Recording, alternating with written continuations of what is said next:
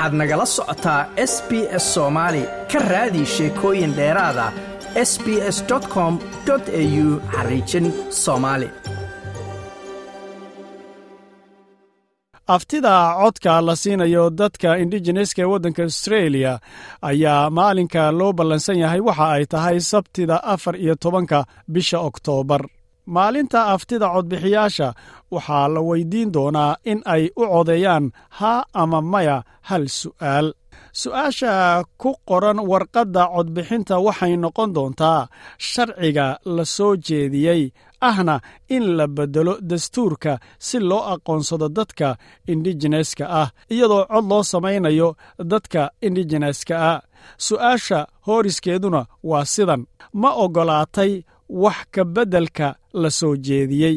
Waxaa lagaaga baahan yahay inaad ku buuxiso warqadda codbixinta odhaahda haa ama maya si buuxdana aad xarfa ugu qorayso ingiriisna ku qorayso. Codayntu muwaadin kasta oo australiyaan ah oo jira siddeed iyo toban sanno iyo wixii ka weyn waa qasab.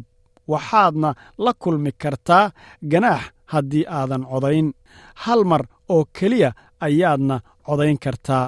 Austreeliya waxay leedahay lix gobol si su'aasha haddaba aftida loo meelmariyo waa in ay oggolaadaan aqlabiyadda codbixiyaasha. Inta badan gobollada taasoo macnaheedu ay tahay ugu yaraan afar gobol in si aqlabiyada ay ku oggolaadaan ballanqaadka aqoonsiga dastuurku waa qayb ka mid ah geedisocod saddex tallaabo ah oo ka bilaabanaya aftida oo lagu daray runsheeg iyo heshiis. Haddaba dhegaystahayagow barnaamijkan waxaan kugu soo gudbinaynaa qaar ka mid ah bulshada austreeliya oo aragtidooda cabbiraya ku aadan aftida loo maldan yahay iyagoo sheegaya haa iyo maya kii ay ku codayn lahaayeen ee dhegaysi wacan haa waa ka warqabaa inaa loo balansan yahay oo waan arkaa meelo badan baan xataa ka arkay inay maaragta la rabo in loo foodgareeyo. Runtii anigu waxaan dhihi lahaa hala siiyaan dhihi lahaa taasaan aaminsanaha anigu dadka codka in la siiyo aaminsan oo waddankeena wax ku yeeshaan oo maaragta ay loo ogolaado xaqooda. Baan kolla anigu baan aaminsanahay in ay sax tahay.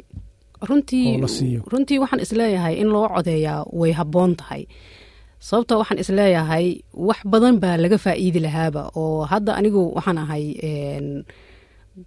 wiifer baan ahay waxbaan wiifin garaya wiifin waxay dhahaan farsamada gacanta oo raradeeni iyo cawska iyo waxa la falkiyo.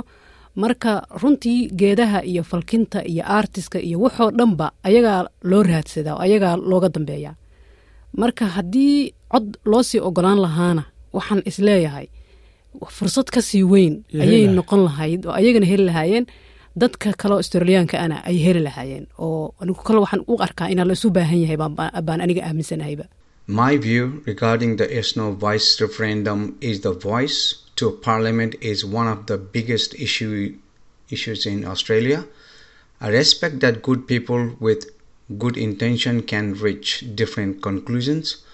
All of us only want the best for our fellow Australians to create a more perfect nation for everyone, regardless of their background or circumstances, and with access to the same opportunities.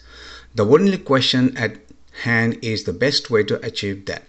This referendum is also our chance to have a say on what our future look like. From my view, it won't deliver better outcomes for indigenous Australians. However, it will have negative outcomes for all Australians. The Labour Party is using this referendum as a way to gather information on their fellow Australians to build the infrastructure for their next campaign. This voice is legally risky with unknown details and would be permanent. Therefore, I support to know. haa walaalkay waan maqlay waana la socdaa aftidaas in dadka aboriginaalka ah mise indigenouska waddanka looga yimid oo la siiyo cod ee maxaa la jiray voice in the constitutionka looga ogolaado laga bedelo miday hadda ay tahay marka haa waan la socdaa in cod la siiyo in oo maxaa la jiray afti loo sameynayo aniga ruqya ahaan waxaan go'aansaday maadaama ay tahay compulsory oo dadka muwaadiniinta dhan inay votgareeyaan ay tahay. Aniga waxaan go'aansaday kolleyba in aan maxaa la dhihi jiray haa aan u codeeyo.